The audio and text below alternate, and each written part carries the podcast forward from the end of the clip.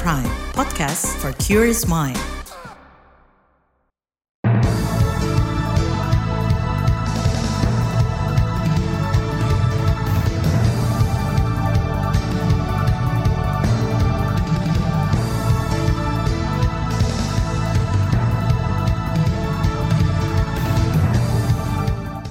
Selamat pagi saudara, berjumpa kembali dalam Buletin Pagi edisi Senin 15 Januari 2024. Saya Naomi Liandra.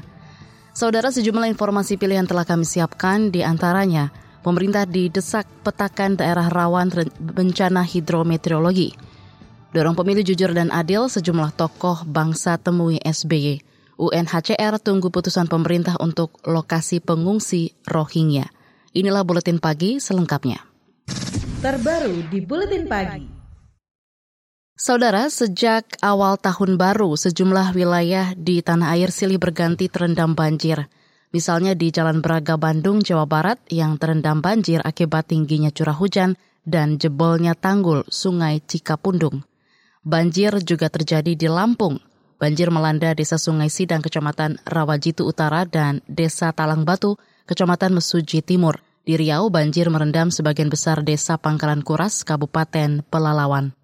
Sementara itu di Jambi, tepatnya di desa Pulau Rengas, Kecamatan Bangko Barat, banjir merendam 150 rumah warga dengan ketinggian hingga 2 meter. Sedangkan di desa Pulau Rengas Ulu, sekitar 60 rumah yang terendam. Penjabat Bupati Merangin Jambi, Mukti, langsung memerintahkan pendirian dapur umum. Bukai ini termasuk yang parah. Parahnya itu ada jembatan putus. Kemudian di Pulau Rengas tadi masyarakat sekitar 12 orang yang tidak bisa keluar dari rumah, terkepung. Tapi sudah dievakuasi tadi. Kemudian uh, untuk biar cepat geraknya kami sudah buat dapur juga dan dapur umum ya kita beri bantuan cepat dulu ya sembako ya kebutuhan masyarakat. Penjabat Bupati Merangin Jambi, Mukti, juga memantau banjir di Desa Pulau Bayur, Kecamatan Pemenang Selatan. Di desa ini ada jembatan gantung yang roboh diterjang luapan arus sungai. Mukti menyerukan seluruh warga tetap waspada, apalagi menurut informasi Badan Meteorologi, Klimatologi, dan Geofisika BMKG, banjir susulan masih bisa terjadi. Saudara banjir yang terjadi di berbagai wilayah di tanah air sudah diprediksi sejak dini. Menurut Kepala Badan Nasional Penanggulangan Bencana BNPB Suharyanto, pemerintah daerah sudah diingatkan potensi bencana hidrometeorologi di awal tahun ini, utamanya banjir dan longsor.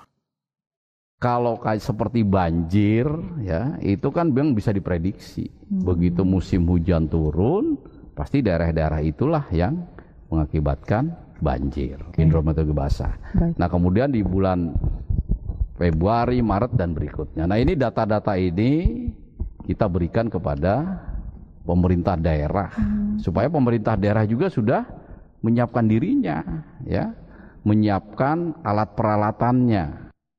Kepala BNPB Suharyanto mengklaim sudah mengumpulkan sejumlah kepala daerah yang wilayahnya yang berpotensi dan rawan bencana, tentu agar mereka dapat mengupayakan mitigasi bencana sejak dini.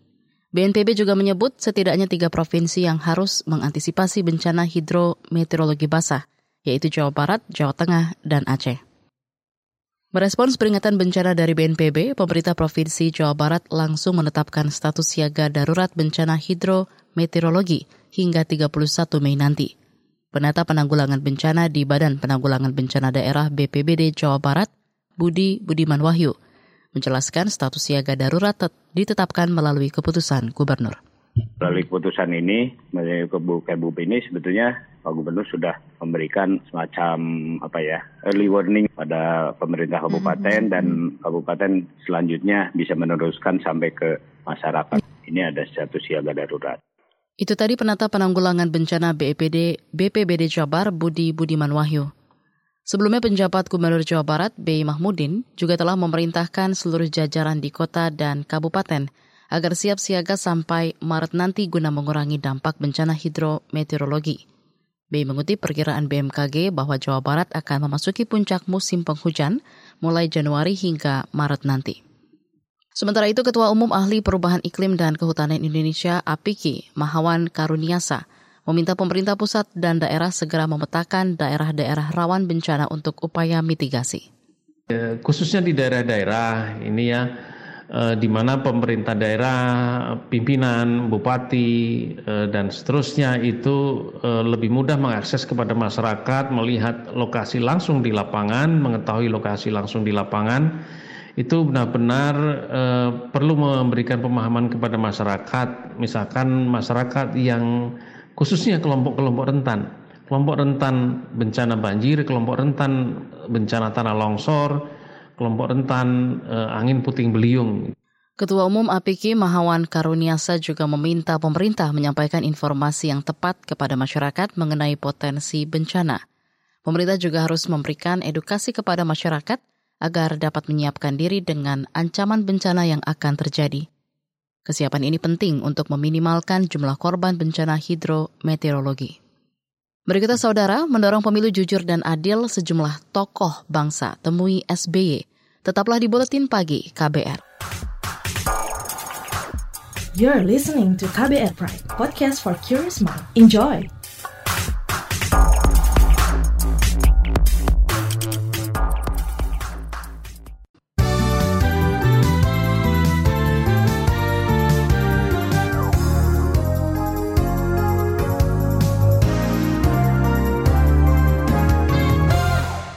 Anda sedang mendengarkan buletin pagi KBR.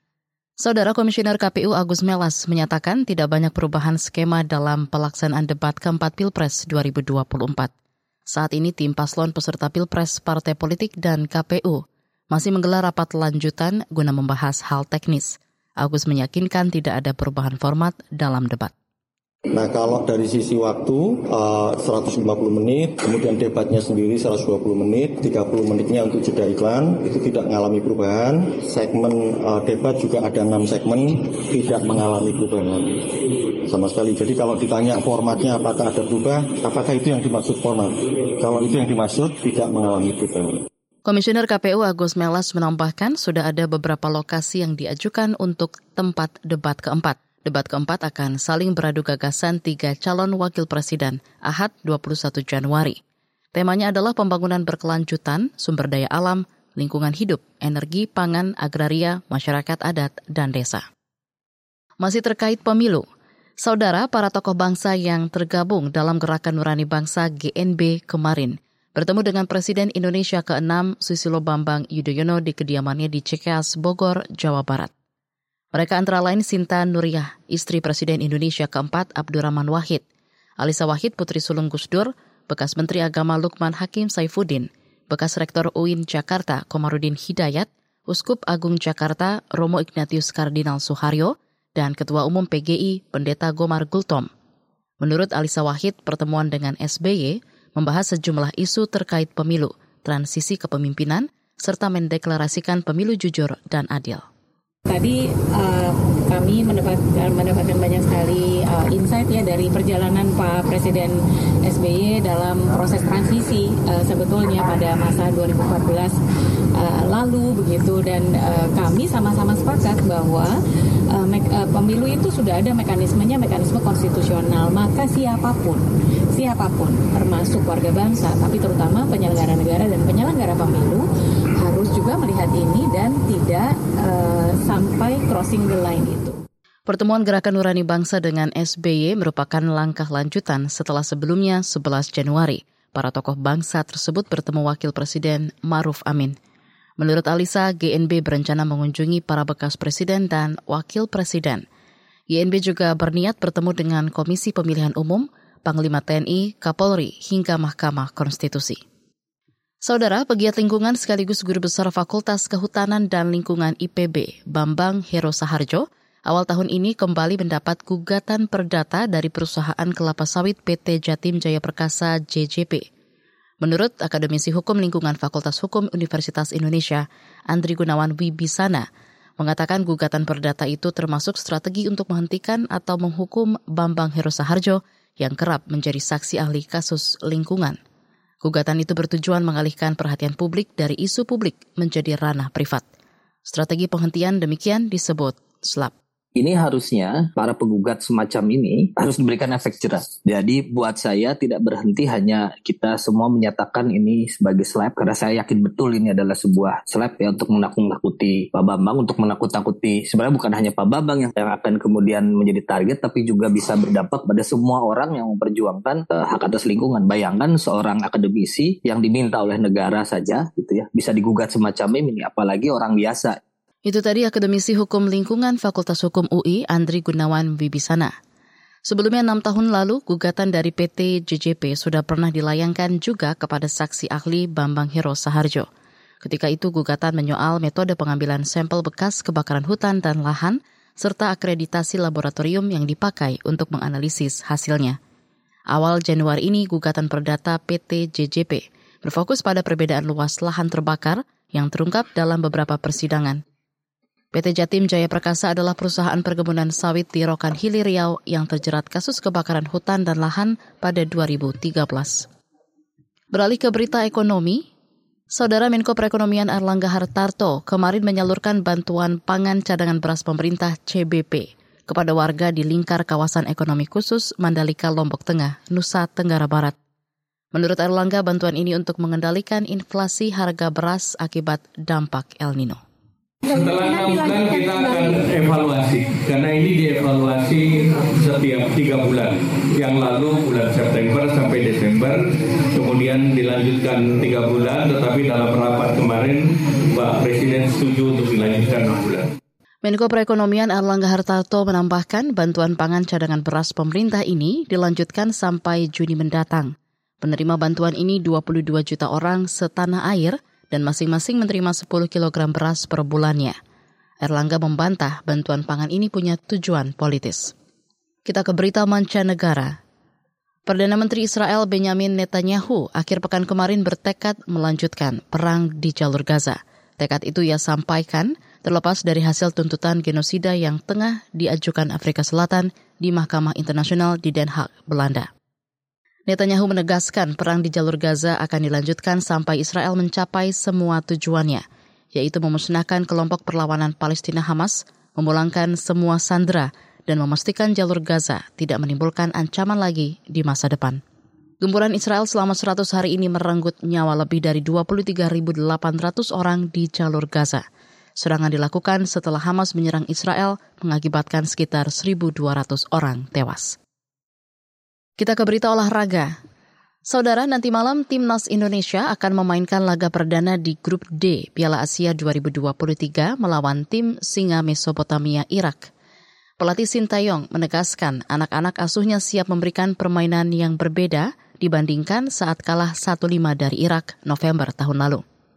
Menurut Sinteyong, tim asuhannya sudah menjalani persiapan yang jauh lebih baik. Salah satunya strategi serangan balik untuk menghadapi lawan-lawan yang identik dengan penguasaan bola. Pada Piala Asia ini, timnas Garuda Indonesia berada di grup D bersama Jepang, Irak, dan Vietnam. Indonesia akan melakoni laga pertama melawan Irak nanti malam, lalu melawan Vietnam 19 Januari dan melawan Jepang 24 Januari. Di bagian berikutnya, kami hadirkan saga tentang minoritas menanti langkah progresif di Ranperpres PKUB, bagian pertama. Tetaplah di Buletin Pagi KBR. You're listening to KBR Pride, podcast for curious mind. Enjoy!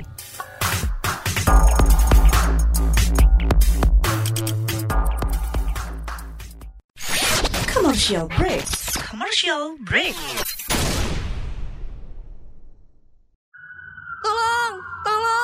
Ada apa MJ?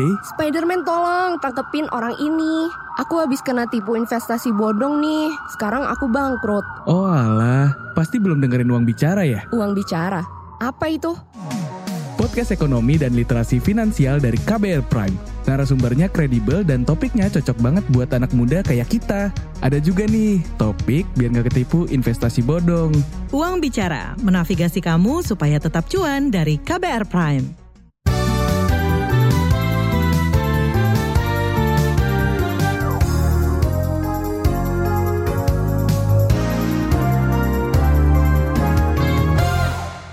Anda masih bersama kami di Buletin Pagi KBR. Saudara, sekarang saatnya kita simak Saga.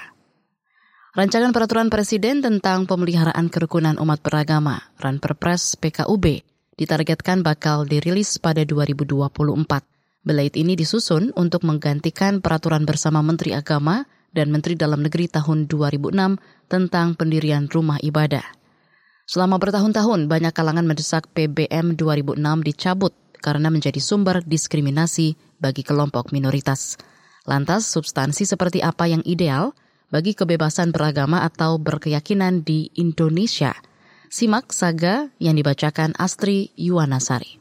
Tidak muluk-muluk ya, masih diizinkan untuk ibadah sekarang aja sudah bersyukur sekali ya. Apalagi kalau misalkan kami bisa memiliki Impian Helen belum berubah. Ingin punya gereja sendiri dan beribadah dengan tenang. Helen adalah pendeta di Gereja Perhimpunan Injili Baptis Indonesia atau GPIBI Amanat Lombok NTB. Jumlah jemaatnya sekitar 170 orang. Meski sudah puluhan tahun berdiri, GPIBI Amanat Lombok belum punya bangunan gereja sendiri. Mereka beribadah berpindah-pindah dari satu hotel ke hotel lain. Biaya sewanya 5 juta rupiah per bulan. Sebelumnya, ibadah sempat digelar di rumah Helen, namun muncul penolakan.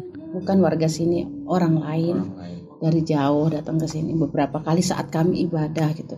Saya yang keluar, saya tanya ada keperluan apa, saya ingin masuk, pengen lihat kami lagi ibadah. Suwardi, suami Helen, yang juga pendeta di GPIBI Amanat Lombok menyebut, upaya intimidasi terjadi berulang kali.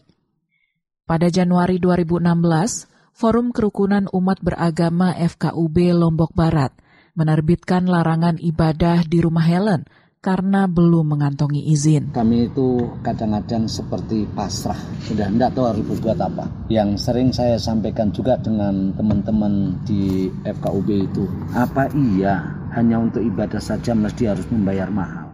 Kasus GPIBI Amanat Lombok hanya gambaran kecil dari situasi kebebasan beragama atau berkeyakinan di tanah air. Banyak kasus pendirian rumah ibadah terjadi di berbagai daerah. Peraturan bersama Menteri Agama dan Menteri Dalam Negeri tahun 2006 menjadi sumber masalahnya. Desakan agar PBM 2006 dicabut berulang kali disuarakan. Pemerintah akhirnya bergerak menyusun rancangan peraturan presiden pemeliharaan kerukunan umat beragama atau Ranperpres PKUB. Kementerian Agama selaku koordinator sudah merampungkan draft dan menyerahkannya ke Kemenko Polhukam akhir 2023 lalu. Ranperpres PKUB merupakan terobosan berupa penyederhanaan izin rumah ibadah. Pemberian izin cukup dari Kementerian Agama, tak perlu lagi melalui FKUB Selain itu, skema 90-60 dihapus. Juru bicara Kemenak, Ana Hasbi. Intinya kan dengan perpres ini, aturan pendirian rumah ibadah itu seragam dari Sabang sampai Merauke. Kalau dulu kan, ya 90-60 itu kan terkait dengan oh, otoritas tempat. Dengan syarat kemenak ini otomatis ya tidak ada. Sebelumnya, skema 90-60 kerap menjadi batu sandungan bagi kelompok minoritas. Aturan ini mewajibkan pemohon izin rumah ibadah harus memiliki minimal 90 penganut dan disetujui setidaknya 60 warga sekitar. Penghapusan skema ini mendapat dukungan Putri Sulung Gus Dur, Alisa Wahid, yang dikenal sebagai pegiat keberagaman. Harusnya tidak perlu mendapatkan persetujuan. Itu kan sama dengan kiai mau bikin pondok pesantren gitu lah. Itu itu hak beragama kok. Pendapat berbeda diungkapkan Mas Duki Baidowi, juru bicara Wakil Presiden Ma'ruf Amin. Menurutnya skema 90-60 layak dipertahankan, termasuk soal kewenangan FKUB memberi rekomendasi pendirian rumah ibadah. Filosofinya itu bagaimana tercipta komunitas eh, di sebuah tempat ibadah. Jangan ada tempat ibadah tapi nggak ada komunitas di sekitarnya. Karena misalnya komunitas Kristen misalnya ya banyak di situ. Tapi kemudian di situ ada masjid tapi nggak ada orang Islam di situ mendirikan masjid ya orang Kristen nggak nyaman dong. Jadi komunitas itu penting lah. Komunitas itu berapa? Maka kemudian timbul angka itu 90-60 itu sebenarnya adalah konsep komunitas. Gitu. Sementara itu Komnas HAM berpandangan proses perizinan rumah ibadah perlu disederhanakan. Komisioner Komnas HAM Pramono Ubaid. Lapisan pertama itu kan persetujuan warga. Lalu kemudian kedua dari FKUB rekomendasi. Lalu ketiga izin mendirikan bangunan dari pemerintah Jadi tiga lapis hambatan untuk mendirikan rumah ibadah bagi kelompok minoritas. Dan untuk menembus lapisan itu tidak mudah gitu, butuh waktu lama gitu ya. Perizinan itu ya dari Kementerian Agama setempat misalnya itu lebih wajar gitu karena bagian dari negara. Gitu. Pramono mengingatkan pemerintah bertugas melindungi dan memenuhi HAM, termasuk hak beragama dan berkeyakinan. Pemenuhan hak boleh dibatasi dengan aturan, tetapi dasarnya bukan pada angka, melainkan kebutuhan nyata pemeluk agama. Lantas bagaimana nasib kelompok penghayat kepercayaan dalam Ranperpres PKUB? Simak kisahnya esok. Demikian Saga KBR, saya Astri Yuwanasari. Usai Saga, informasi dari daerah akan hadir usai jeda. Tetaplah bersama Buletin Pagi KBR. You're listening to KBR Pride, podcast for curious mind. Enjoy!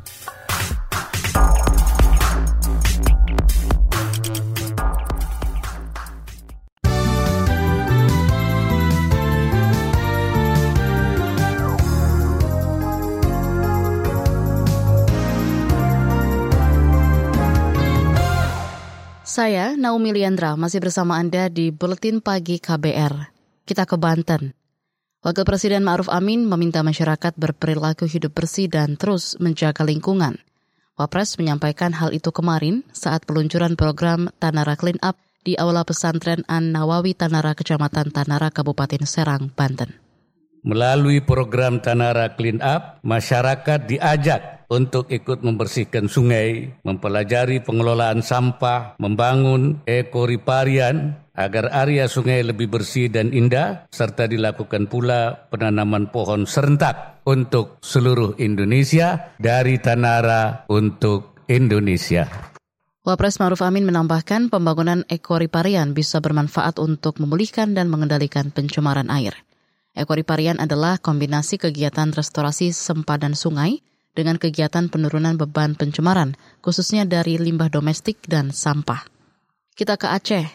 Organisasi PBB yang menangani masalah pengungsi UNHCR menyatakan belum menemukan lokasi pasti untuk penempatan pengungsi Rohingya yang saat ini berada di berbagai daerah di Aceh. Protection Associate UNHCR Muhammad Rafki mengatakan keputusan penempatan pengungsi Rohingya sepenuhnya ada di tangan pemerintah Indonesia terkait dengan penempatan. Kita terus berkoordinasi. Kita malah memberikan rekomendasi-rekomendasi uh, wilayah atau lokasi tempat penempatan. 2021 kita malah membantu untuk membangun penampungan pengungsi di BLK Loksmawe kita dengan rekan-rekan lain lembaga NGO pernah dibangun uh, penampungan pengungsi di Belang Ado Aceh Utara. Jadi ini adalah bukti uh, contoh-contoh. Sebenarnya kita merekomendasikan kepada pemerintah tapi kembali penunjukan secara sah dikembalikan kepada pemerintah Protection Associate UNHCR Muhammad Rafki menambahkan tempat penampungan pengungsi diusulkan pemerintah berdasarkan peraturan presiden tentang penanganan pengungsi dari luar negeri. Untuk itu UNHCR terus membangun komunikasi dan koordinasi dengan pemerintah di semua tingkatan agar penempatan pengungsi Rohingya bisa segera ditentukan. Saat ini pengungsi Rohingya di Aceh ditampung sementara, antara lain di kamp Yayasan Minaraya Kabupaten Pidi, kawasan Pelabuhan Sabang, bekas kantor imigrasi Kota Lok Sumawe dan Balai Mesuraya Aceh di Banda Aceh. Kita ke Sumatera Barat. Saudara Gunung Merapi yang berada di Kabupaten Tanah Datar dan Kabupaten Agam kembali erupsi Ahad pagi kemarin. Erupsi diiringi hujan abu vulkanik di sekitar lereng, salah satunya di Nagari Buki, Bataboa. Berdasarkan laporan pos pengamatan Gunung Api Marapi, tinggi kolom abu teramati sekitar 1,3 km di atas puncak. Status Gunung Marapi kini ditingkatkan dari level 2 waspada menjadi level 3 siaga. Warga dilarang berkegiatan di radius 4,5 km dari pusat erupsi. Peringatan ini disampaikan Ketua Tim Tanggap Darurat Erupsi Marapi, Kristianto. Ancaman lahar juga ancaman lahar terutama bagi sungai-sungai yang berhulu di uh, Gunung Marapi ini. Karena memang sejak erupsi pertama tanggal 3 Desember 2023 ini penumpukan material kan sudah uh, terus terjadi. Hingga kemarin ada lima titik pengungsian warga, antara lain di kantor pemerintahan dan sekolah. Sedangkan di Pasar Koto Baru, Kabupaten Tanah Datar, tercatat ada seratusan pengungsi. Suhu dingin menjadi salah satu yang dikeluhkan para pengungsi karena mengganggu kesehatan. Pengungsi mulai demam dan batuk-batuk. Informasi tadi menutup jumpa kita di Buletin Pagi. Pantau terus informasi terbaru melalui kabar baru, situs kbr.id, Twitter atau X di akun @beritaKBR, podcast di kbrprime.id. Saya Naomi Liandra bersama tim yang bertugas undur diri. Salam.